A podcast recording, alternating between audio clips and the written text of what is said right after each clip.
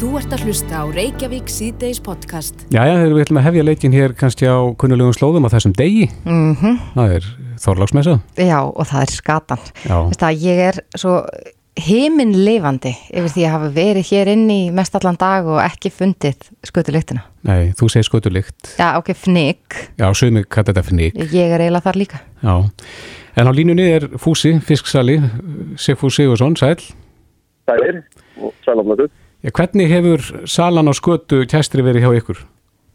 Herðu, hún hefur bara verið mjög góð, Er það betri núna heldur en áður? uh, bara mjög svipað. Það er meira kannski á minni sölum og náttúrulega að færa fólk sem er að hittast í einu Mm og þetta er kannski búið að færast meira úr, eins og ég segi, úr sölum og stórum veislum í minni einingar en hún er bara mjög svipuð. Þýðir það þá að fnyggurinn sé dreifðari um sko heimili fólks í staðin fyrir að þetta sé bara af, af, af, afmörkuðum svæðum inn á veitingahúsum og svona. Já, ég gæti trúa því að væri þannig. Það var alltaf maður sem kom hérna að vesla hjá mér í búðinu og hann hafði farið sundi í morgun með börni sín og hérna, það var bara sköturlíkt í sundi. Já, það er svoleiðis. Já. En hvað tekur langan tíma að undibúa skötuna? Heyrðu, það er misjamt. Hún er keifti hann alltaf allt árið og sett í frost og hérna svo er þetta svona 2-3 mánuðir sem að tekur svona í, við kjör aðstæður. Og hvernig er þetta gert? Heyrðu, hún er sett í körum inn í gám og það er haldið réttu hittastígi með tilgerðum hitturum og, og kælum þegar það áþarf að halda. Mm það voru hengt úti og hérna þá kæsist hún hægt og rólega og hérna svo þegar hún er tilbúin þá er hún náttúrulega tekin út og hún er skorinn til og snirtöll og skóluð og þrifin og, og svo er hún sett í borðið og svo bara njótu við þess að borða þetta Já, sumir, hverjir? já, já, þetta er fólk er að tala um lyktina, ég segi þetta síðan svo gráðostur, hann er ekki góður á lyktina en hann bræðast alveg unditlega Já. En uh, þú segir að það, þetta er svona svipað og, og undarfærin ár. Já, þetta er mjög svipað og hérna þetta hefur verið eins og oft á tíðum og hafa fyrirtæki verið að koma og kaupa fyrir 15, 20, 30 manns. Í dag er þetta meira að þeir sem hafa verið hjá fyrirtækjónum eru að koma og eru að kaupa fyrir 5 og 6 manns kannski. -hmm. Og þetta er bara búið að vera mjög gott sko. Já, en Fúsi, þú selur nú ekki bara skötu sem betur fyrir kannski fyrir fólk eins og mig, en við gerðum hérna könnunum daginn og þar var nú einhver hluti þeirra sem svöruðu könnunni sem sögðust borða fisk á aðfangadag. Eh, Er margir að koma til þín að kaupa fisk til þess að bera á borð á jólunum? Já, það er tölvöld um það. Það er fólk er að kaupa mikið af hérna, lax og bleikju.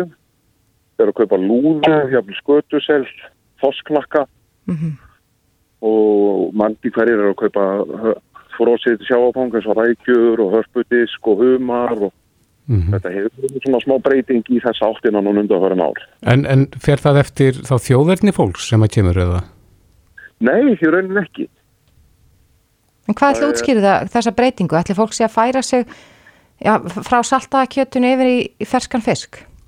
Já, það er búið að vera náttúrulega mikil umræða undanfærin ár um sem að bæði reykt og saltað kjött og svona mikið salt og mikið reyku fyrir illa í marga og þá er það fólku fæla að breyta yfir í fisk og svona aðeins léttari mat. Mm En svona þínu mati, Fúsi, hvað, hvað telur þú vera svona mesta hátíða matinn þegar það kemur að fiski? Hver er, hver er steikin úr hafinu? Steikin úr hafinu fyrir mig, Já, allir það sé ekki fallið góð lúðusteik og- sem er værið þá bökuðin í opni með smjöri og sítrunum pipar og jafnveg nú pítlög og, og vera með hérna jafnveg góða hollandesósu með og góða katteflur og salat. mm Þetta hljóma nú bara freka vel. Já, alveg óbótt það er gott. Hvað er í matinu þér á aðfangadag? Herðu, við erum hjá móðu minni, þannig frú Margareti. Dórategu, já, Já, já, og hérna það er hérna, sína hambúrgarreikurinn og það er sósa með og brúna kartöflur og það er smá forréttur og svo er eftirréttur allt eins og þetta á að vera sko. já, akkurat. Kál og jólasalat Já. En e, dagun í dag, þólasmessa búið að vera mikið að gera, fara að róast aðeins. Já, kannski hefur þólasmessu traffikin verið þá hvað í gæri að fyrir dag eða? Já, þetta er búið, yfirleitt svona 2001 og 2002 annað er mest að gera en það er töluvið trafik á þólasmessu og svona um fimmleitið þá þetta það aðeins niður og þá tekur bara frágangur eftir skötun og pakka og gera allt tilbúð og svo við getum opnað aftur eftir jólafríði sko. Já, þannig að það er fyrir að róast til því núna. Já, þetta er búið að vera samt mjög gott og mjög fylgt að gera í dag. Það er gott að heyra. Sigfús Sigursson, eigandi fiskbúðar Fúsa í Skipaldi, kæra þakki fyrir þetta og gleðilega hátíð. Já, takk leiðis og gleðilega jól. Þú ert að hlusta á Reykjavík C-Days podcast. Já, Reykjavík C-Days, það er eitt dag til jóla, þorlásmessa og nú er, eru allir á verðinni. Það er ís og þís Svo sannarlega. Ég held að þetta sé hugsanlega bara martröð Þorvalds Gunnarssonar. Ég held það líka. Í dag. Já, ég, sko, ég veit ég er búin að segja það oftar en einu sinni síðan að við töluðum við hann uh, í síðustu viku. Já. Að ég fekk bara svona smá svona stingi hjarta þegar hann, hann talaði um að hann myndi líklegast ekki eiga áhyggjur laus í ólutan hefði verið með áhyggjur allt þetta ár. Já, akkurat. En þessi áhyggjufulli maður er á línni, Þorvaldur Gunnarsson, sóttvarnalæknir, kom til sæl. Já, takk fyrir það. Ég er ekkit óalega ágiföllur, þannig ég er bara er reyna að vera rönnsverð bara. Já, en það er nú gott að heyra þú sér ekki ágiföllur en, en uh, þessi dagur, við bara sjáum það á umferðin að það er mikil hreyfing af fólki. Já, ég, já, já, ég veit það ekki, ég er ekkert svo sem ekkert að maður, ég hef nú ekkert verið úti en ég hef ekkert séð, en ég geti alveg ímyndað með það að það sé þannig og, og hérna bara þálasmessan er alltaf þannig, það er að fullta fólki á síðustu stundum með allt og, mm. og þarf að vera á flandri alveg uh, fram og tilbaka og þetta er náttúrulega kjör aðstæðu fyrir veruna að, að, hérna, að, að vera í svona degi og, og helst að geta hitta á einhvern einstakling sem að fer við það og hitti marga og það, það er alveg það sem að vera elskar að gera. Já, ert þú búinn að versla allt sem þú þátt að versla? Nei, nei, ég er bara búinn að vera í sótkví í viku og ekki geta versla neitt eða gert neitt, þannig að ég hef algjörlega sloppið við það. Já. Og kannski fagnar því bara? Ég fagnar, ég er ekki mikið vestluna maður fyrir jólinn, það er nú uh, kona mín sem sér um megnið af því sem þarf að sjá um. Ég er svona með ákveðna hluti sem ég heldur ekki geta gert núna en, en hérna, en mér finnst þetta ekki sérstaklega gaman að vera í þessu kraðaki og, og hérna og, og hlaupa búðu búð, það er ekki ekki óskar staða fyrir mig og, og, og ég vona að, að þetta kom ekki bakið á okkur eftir, eftir viku tíma. Nei, ég held að það sé margir sem eru að sleppa því að hitta fólk svona mestu leiti en, en svo eru þetta komið að þessum tíma þar sem er að skiptast á jólapökkum. Er hægt á því að, að einhver smittar, smittaður fara út um allt og dreifi jólapökkunum sínum og, og kannski óvart knúsi hinn og þennan og að þá komi upp, já, jafnvel hópsmitt?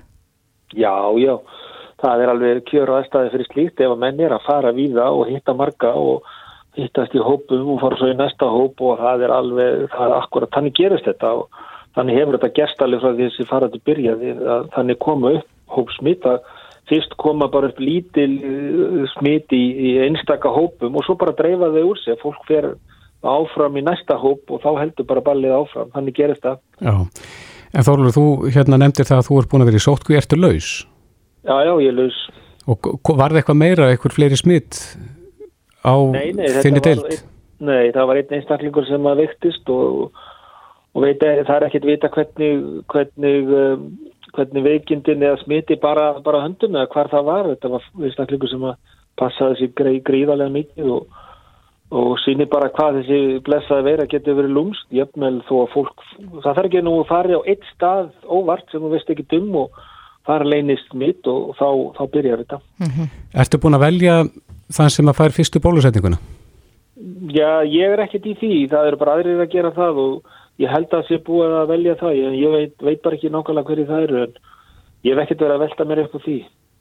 Nei, Nei, við tölum við Óskar Reykdalsson í gerð sem sagði að þetta væri líklegast á þinni konnu og að mögulega er það eitthvað svona uh, húlum hæg kringum fyrstu bólusetninguna, fyrsta einstaklingin Já, sem tækir bólefni. Það, það, það verður það náttúrulega, það verður sko það eru einstaklingar á landsbítalanum og svo einstaklingar innan helsugjastlunar og jú, það er verið að skipulegja eitthvað svona viðbörði við það og, og, og, og hérna en nákvæmlega það verður bara auðlist síðan, ég hef ekki verið inn í þeirri skipulegningu Nei, en nú er jólaháttíðin að ganga í garð og, nokkri frítagar framöndan. Hven, ef að fólk er ekki að hegða sér alveg sem skildi, hvenar sjáum við þá já, tölurnar uh, frá þessum dögum? Já, við erum svona, það tölur sem við erum að sjá í dag, það er eh, svona mælikvarði á það hvernig, hvernig, hvað var að gerast fyrir viku síðan. Þetta tekur svona upp undir viku að sjá það, þannig að ef fólk er ekki að hefða sér vel í dag og ef einhver smit hafa orðið í dag þá kemur það í ljós fljótlega eftir, ára, eftir jólinn og í næstu viku og, og svona nær hámarki í, í, svona eh, setjumpartin í næstu viku. Já, svona rétt í lokin Þorlur, ykkur svona orð til landsmanna sem er að hlusta núna og er að svona nýta síðustu endana, gangin í jólinn? Ég það er bara gamla, gamla góða ráði sem við erum alltaf að hamra á alveg enda löst og botlaust og þreytumst aldrei á því og það verður að vera bara okkar einhvernar orð alltaf núna búið að vera allt þetta ár og verður uh, næsta ár og ég veit að sem er hundlegir að heyra þetta en, en það virðist vera þessi ekki, ekki nóg sagt að fólk verður að passa sig. Það er fyrst og fremst þessi að, að, að vera ekki að hitta mig marga, reyna að taka þér róli, að vera heima, vera í fáum, litlum hópum og, og reyna bara að hæja á sér, vera ekki að þessu flandri út um allt. Það er það sem að, sem að skapar þessa hættu og ég er bara byggla til fólks enn og aftur um að ég er nú horfa eitt undir glukkan og það er fýlikur ströymur að bílum hérna fram og tilbaka Þannig að ég held að fólk sé greinilega ekki að, að hlusta á mig eða, eða fara eftir þessum varnarorðu núna. Nei, en við hvetjum sem flesta til þess að gera það. Þóru Lúkuðunarsson, Sóttvarnarleiknir, gleðilega hátíð og hafa það Já, gott. Sumulegis, sumulegis, takk. Hlustaðu hvena sem er á Reykjavík C-Days podcast. Jólinn eru alveg að dettin. Já, en það eru mjög margir sem er að gældir. Já og ég held allavega svona, mín, ég hef ekki átt gældir í, í mörg mörg ár en, en svo mín tilfinning er svo að dýrin fá kannski aðeins hátilari mat Einmitt. á jólunum, Já. mögulega einhverja pakka Já. þannig að það er svona hátíð fyrir þau líka. Já, það er spurning hvað ber að varast Akkurat. þegar að dýrin eru annars vegar á línunni er sérfræðingur nokkar í þessum málum eh, Hanna Arnóstóttir, dýralæknir á dýraspítalanum í Garðabæm, sæl Sælveri Já, hvað, hvað eigum að hafa í huga þess að dýra eigendur fyrir hátíðarnar? Við þurfum alltaf bara að passa að þau fá ekki alltaf sem við ætlum að setja ofan í ykkur. Uh, við þurfum að passa súkulæði sérstaklega fyrir hundónum. Mm -hmm. uh, það er mjög mikið um það að hundar komi inn og þurfa að losa út uh, súkulæði sem er að innbyrt að, að í því er efni sem getur haft mikil áhrif á hjarta Mm -hmm. uh, þannig að, að og þeir ná sér í þetta líka með breg og öllu sko og þeir eru mjög úræðagóðir með að nálgast þetta Já, hvað er það í súkulæðinu sem hefur svona slæm áhrif á hjartað?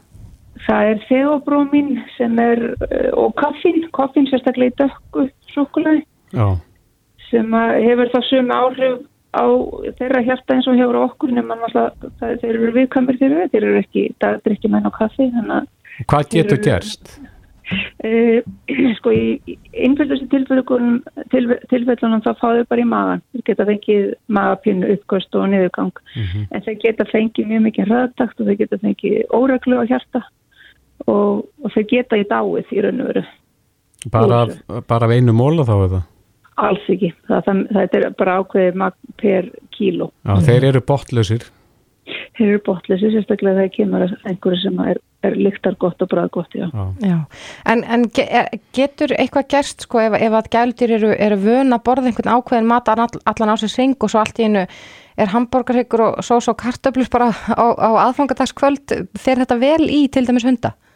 Nei, ég fer alls ekki vel í hunda og sérst ekki, ekki sko ef þetta gefið sem máltið, menn það að gauka einum og einum bita þá flestir komast alveg bara frá því bara með það að hafa gott bræði mununum mm. en ef það er verið að setja þetta í diskan þegar maður afskurðunum svo fytuna, þetta er reykt kjött þetta er ekki eðlilegt fyrir þá og þeir eru bara sérst, þetta getur sjálf sér líka verið óholt fyrir okkur það er mikið salt í þessu þannig að það með svona veru sem eru vera kannski bara halva þingd af okkur í jafnvelið tíunda eða minna að þá er þetta orðið svo stóri skamta sem fólk ætlar að vera svo ægilega gott og þá vanda smáli sko mm -hmm.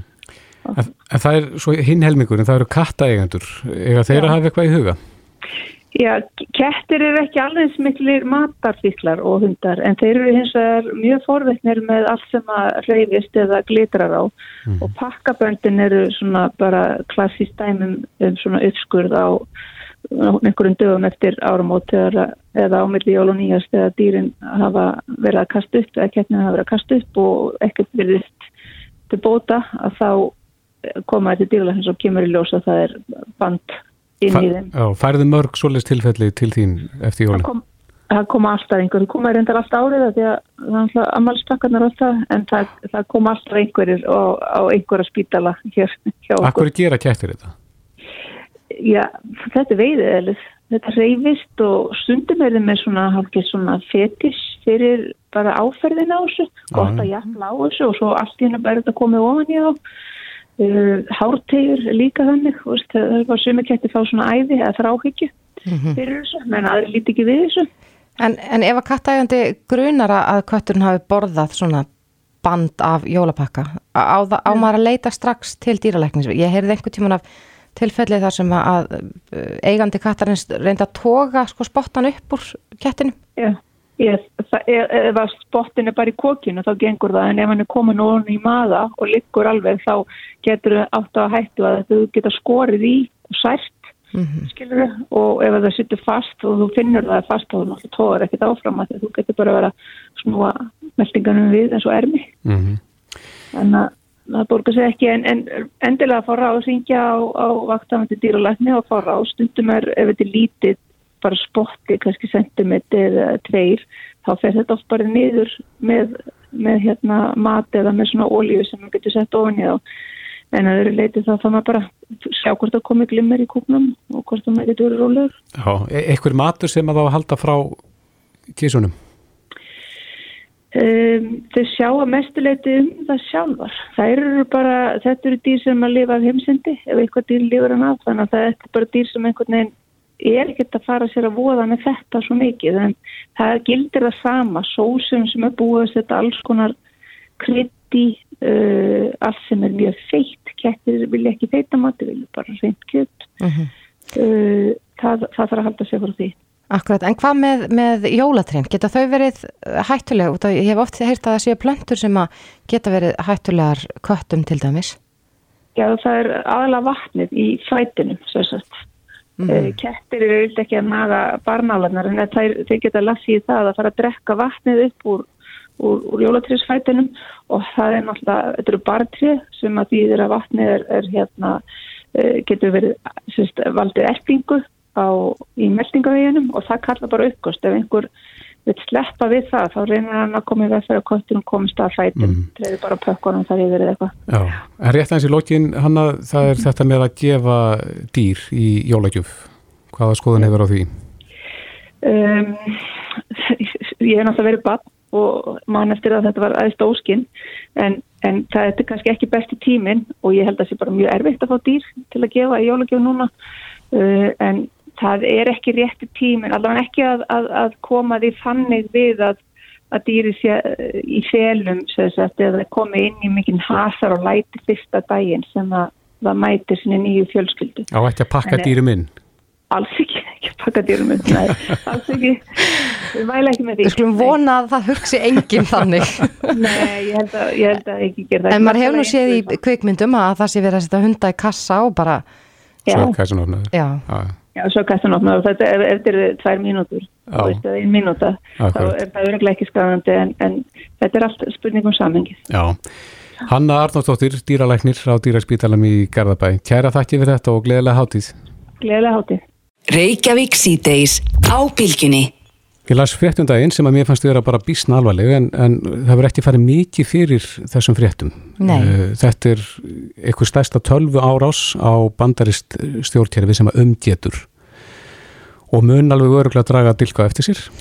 já, mér skilst sko að, að þessi 12 árást verðist hafa staðið yfir gegn bandaríkinum Mm í marga mánuði Já. án þess að einhver hafi orðið þess var.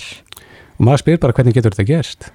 Já, og bara það er búið að tala um að þetta sé sko ógagvart hennu ofinbera og bandarískum fyrirtækjum Mhm. og eins og segir, það hefur ekki verið mikið fjallað um þetta. Nei. Á línunni er Valdimar Óskarsson, hann er frangotastjóri Sindís sem er netörgisfyrirtæki, kom til sæl. Já, komið sæl. Já, hvað segir um þetta? Þetta eru hljóta að vera gríðarlega alvarleg tíðindi.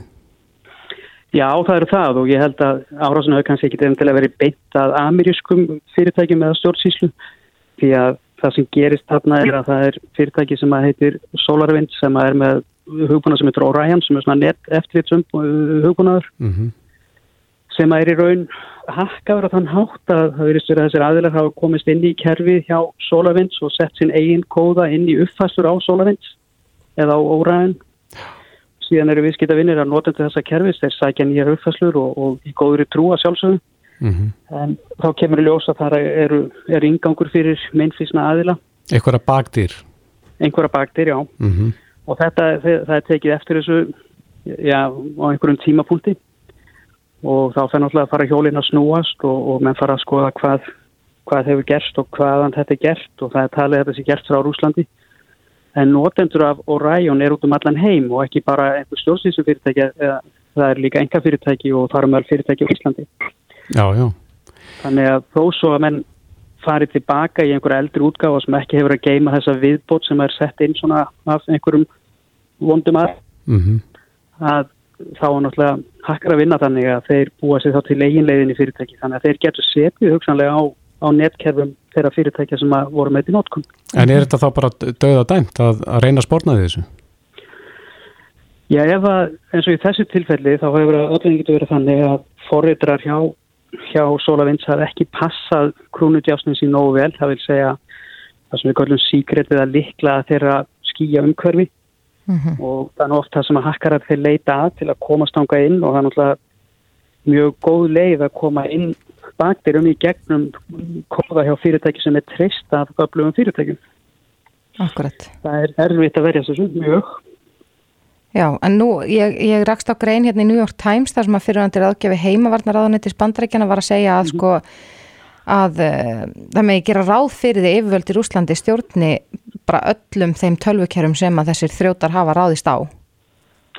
Það er náttúrulega worst case og, og, og er hugsan alveg rétt og það er líka talið um að innan sex mánu þá komum við kannski til með að sjá alvarlegustu svona cyber árás sem við höfum nokt tíma að séð vegna þess að þessir aðilar þeir sitja á netkerfum og þeir skoða og þeir náttúrulega slá til að versta hugsalega tímapunkti þar sem að eftirlitið er kannski hvað minnst og, og og eru bara að læra á kerfin hvað eru mikilvægastu gögnin og, og, hérna, hann er nú rýður á að fyrirtæki sem hafa verið að nota þeirra hann hugbúna að þeir fylgis með hvað er að gera sem er tónum, hvort það sé einhver óeili notkun og óeili data, dataströymur mm -hmm. út úr fyrirtækjanum og annað. En ætli, ætli þessir þrótar sé með það markmiði sko að geta selt gögnin sem þeir komast yfir? Eða er, eða er þetta spurningum að rússarnir sé að reyna að fá hernaðarlendamál bandaríkjana til þess að nýta gegn þeim? Já, þess að segja, þetta þarf ekki endilega að vera beint gegn bandaríkjónum, þetta getur verið beint á miklu starri hóp fyrirtækja en kannski er markmiðir að komast inn í stjórnsýstunni í bandaríkjónum og ná í, ná í einhver hernaða gögn eða þá að, að hugsalega geta komist inn og farið að eiga við uh, svona kritískan infrastruktúr eins og orku fyrirtæki eða orku veitur og annað. Geta það bara slögt á uh, ramagninu og ef það þýr að skipta? Já, er það ekki talið sem næsta uh, samtímas, næsta næsta stríð sem verður verður kannski ekki með byssum heldur með þessum, þessum heimi. En Valdimar, þú segir að þessu fyrirtæki hér sem að eru með þennan högbúnað, þennan síkta högbúnað, þannig að það maður gera ráð fyrir því að þessi ræðilega séu þá með upplýsingar og inn í kerfunum hér? Það er spurning hvort sem er búin að koma sér fyrir, það er spurning hvort sem fljótt þetta menn gripu til, til varna og þeir sem standa baki hvort að þeir hafi yfirleitt einhvern áhuga á einhverjum gögnum hjá einhverjum íslensku fyrirtækjum. Já. Þannig að við kannski, okkar styrkur er að, að við erum lítilega hérna í Norður Allarsæði þar sem að kannski rúsarna hafa ekki drosalega náðu á þeim fyrirtæki sem er að nota sólavens hér. Mm, en þú segir koma sér fyrir. Eitt, sko. Nei, en þú segir koma sér fyrir. Mm -hmm. Þýðir það þá að, að þeir koma fyrir þá einhverjum já, sínum forritum sem að erfitt er að finna? Akkurat, þeir koma sér fyrir með því að búa sér til sína eina leið, sína eigin leið inn í fyrirtækið sem að, og það náttúrulega að menn alltaf fara að skanna eftir einhverju svoleiðis að leita, þá yfirleitt finnst það ekki því að það hefur kannski aldrei sést áður þannig að menn veit ekki, veit ekki það hverju menn er að leita En hefur þetta einhver áhrif á okkur Valdimar? Eða við eitthvað að, að spá meira í þetta eða eða bara leifa frétturum að flæða og, og sjá hvað gerist? Nei, ég held að ég veit til þess að fyrirtæki sem hafa verið að nota SolarWinds hérna fóru í, í aðgerðir þannig að sem er, sem er mjög gott en þetta er, þetta er alltaf ágefni þegar þessir aðalega geta komið sér fyrir á netanum og veri bara að skoða, lesa, bygg, jafnvel byggja upp tröst, skoða tölvupósta og tala ekki um þegar menn eru komin inn í stjórnsísluna að geta, geta náðu einhver gögg sem þeir geta beitt gegn við komandi landi. Já, en manni finnst svona svo litið að fréttaflutningi að þessar tölvu árásir er alltaf að verða stærri og stærri. Er þetta bara það sem koma skal? Er engar varnir gegn þessu? Það eru, það er erfitt með einhverja varnir vegna þess að þessir aðla sem eru að standa baki eru oft ríkistyrt apparat sem hafa gríðarlega mikla fjármunni, mm -hmm. mjög mikla þekkingu og við sem erum að reyna að verja svona, við erum alltaf skrefin og eftir. Þannig að já, ég held að þetta sé eitthvað sem við þurfum bara bú okkur undir og, og sætt okkur við að þetta er ekki spurningum hvort heldur hvenar og þá snýst það um viðbröð. Já. Valdimar Óskarsson, frangotastjóri Sindis, kæra þætti fyrir þetta og gleðileg jól. Takk sem leiðis og gleðileg jól. Þetta er Reykjavík C-Days podcast. Jæja, um Reykjavík C-Days, nú er fólk að undirbúa hátíðarnar og það er verið að vesli matinn mm -hmm. og uh, stundum er á borðum matur sem er kannski öllu jafn ekki á borðum landsmanna. Já og, og þessi hátíð snýstu þetta miklu leiti um mat fyrir marga. Já. Við erum að, að gæða okkur á hinn og þessu og, og, og hlutir eins og gravlags er eitthvað sem að sér nú eiginlega bara á jólunum eða allavega ég. Já, einmitt. En uh, matvælastofnun hefur líka verið að benda á sko, meðferð matvæla, það stiftir miklu máli, þannig að það fari ekki illa fyrir okkur en á línunni er Dóra S. Gunnarsdóttir, sviðstjóri neytendavendar hjá matvælastofnun, kom þú sæl? Komið sæl. Uh, Þóldís nefnir hérna til dæmis lagsin, er auðvelt að klúður á honum með því að geyman á rangan hátt? Um, já, það sem, að, það sem við náttúrulega erum að leggja áherslu á er heimlega með því matvæla og, og rétt meðhundlu matvæla og var þetta matvæli tilbúin til neslu þá er mjög mikilvægt að vera ekki að geima láta, láta það standa lengi á borðun mm -hmm. lengi á nesluborðinu reyna að takmarka tíman sem að slík matvæli standa á nesluborðun mm -hmm. Á þetta bara við um sko, mat sem er eins og, eins og gravlagsin sem er óeldaður eða á þetta líka við um hambúrgarhekkin sem að maður er að plokka í í nokkra daga eftir hann hefur borin að borð Já, ég myndi að segja að þú ekki láta hann standa á borðinu í nokkar daga. Myndi tekja hann út og, og, og, gengt hann í kæli. Mm -hmm. Þú tekur hann út og plokkar í hann eins og þú segir. En, en þetta er alltaf ávið matvæli sem eru tilbúin til neyslu. Að tala um álegg og rektan og græðin lags. Og þetta er af því að bakteríður það fjölgar sér mjög hægt Eh, við kjöraðstæður og við getum verið að tala um að einn bakterja geti farið upp í þúsund og þrema klukkstundum og upp í eina miljón og sex klukkstundum þannig að ef við erum með veikvað matvæli sem hugsanlega er í sjúknusvöldandi bakterjur þá getur það náða að fjölga sér upp í, upp í þann fjölda sem getur það valdið matarsýkningum Hvaða bakterjur eru stæðastar?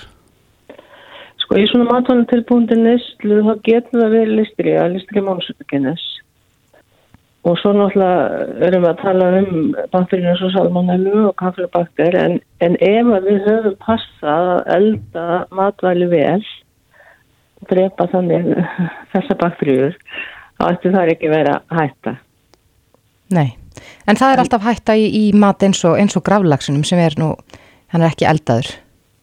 Já, hann er alltaf ekki eldaður, hann er hár og, og hann er alltaf meðhandlar í vilt annarkot heima ef við erum að búin til það sjálf eða í fyrirtækjum sem er að að framlega þetta fyrir okkur.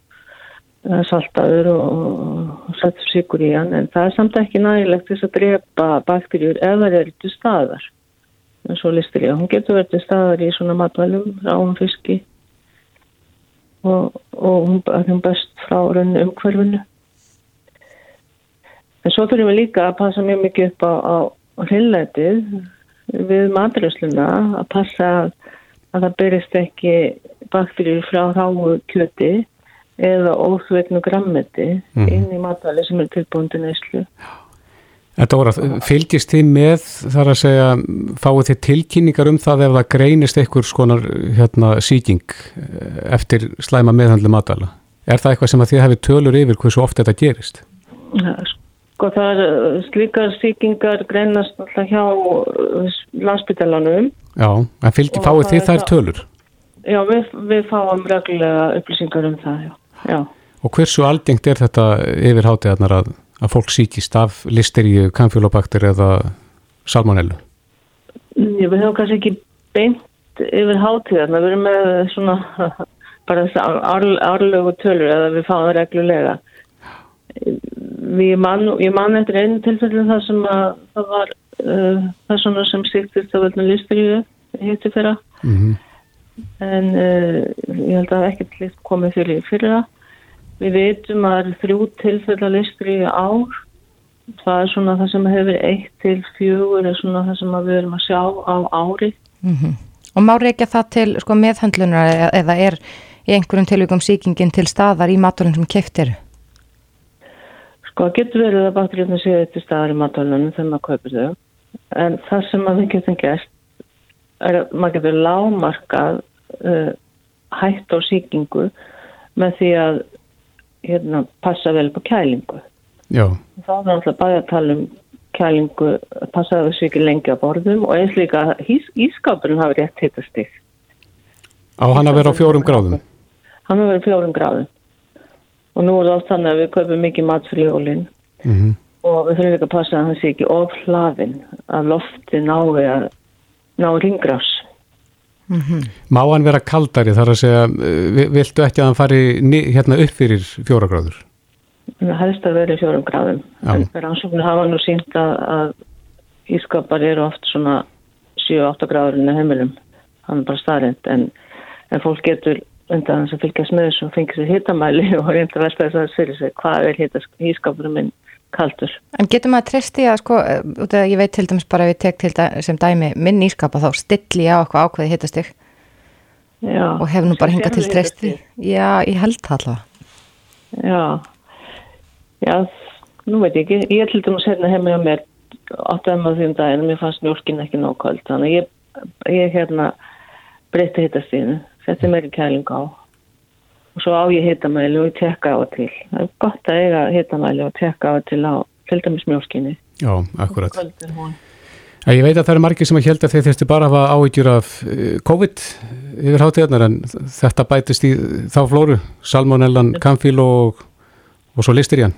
Þetta er bara eitthvað sem við höfum alltaf að hafa í huga, alla daga. Akkurat.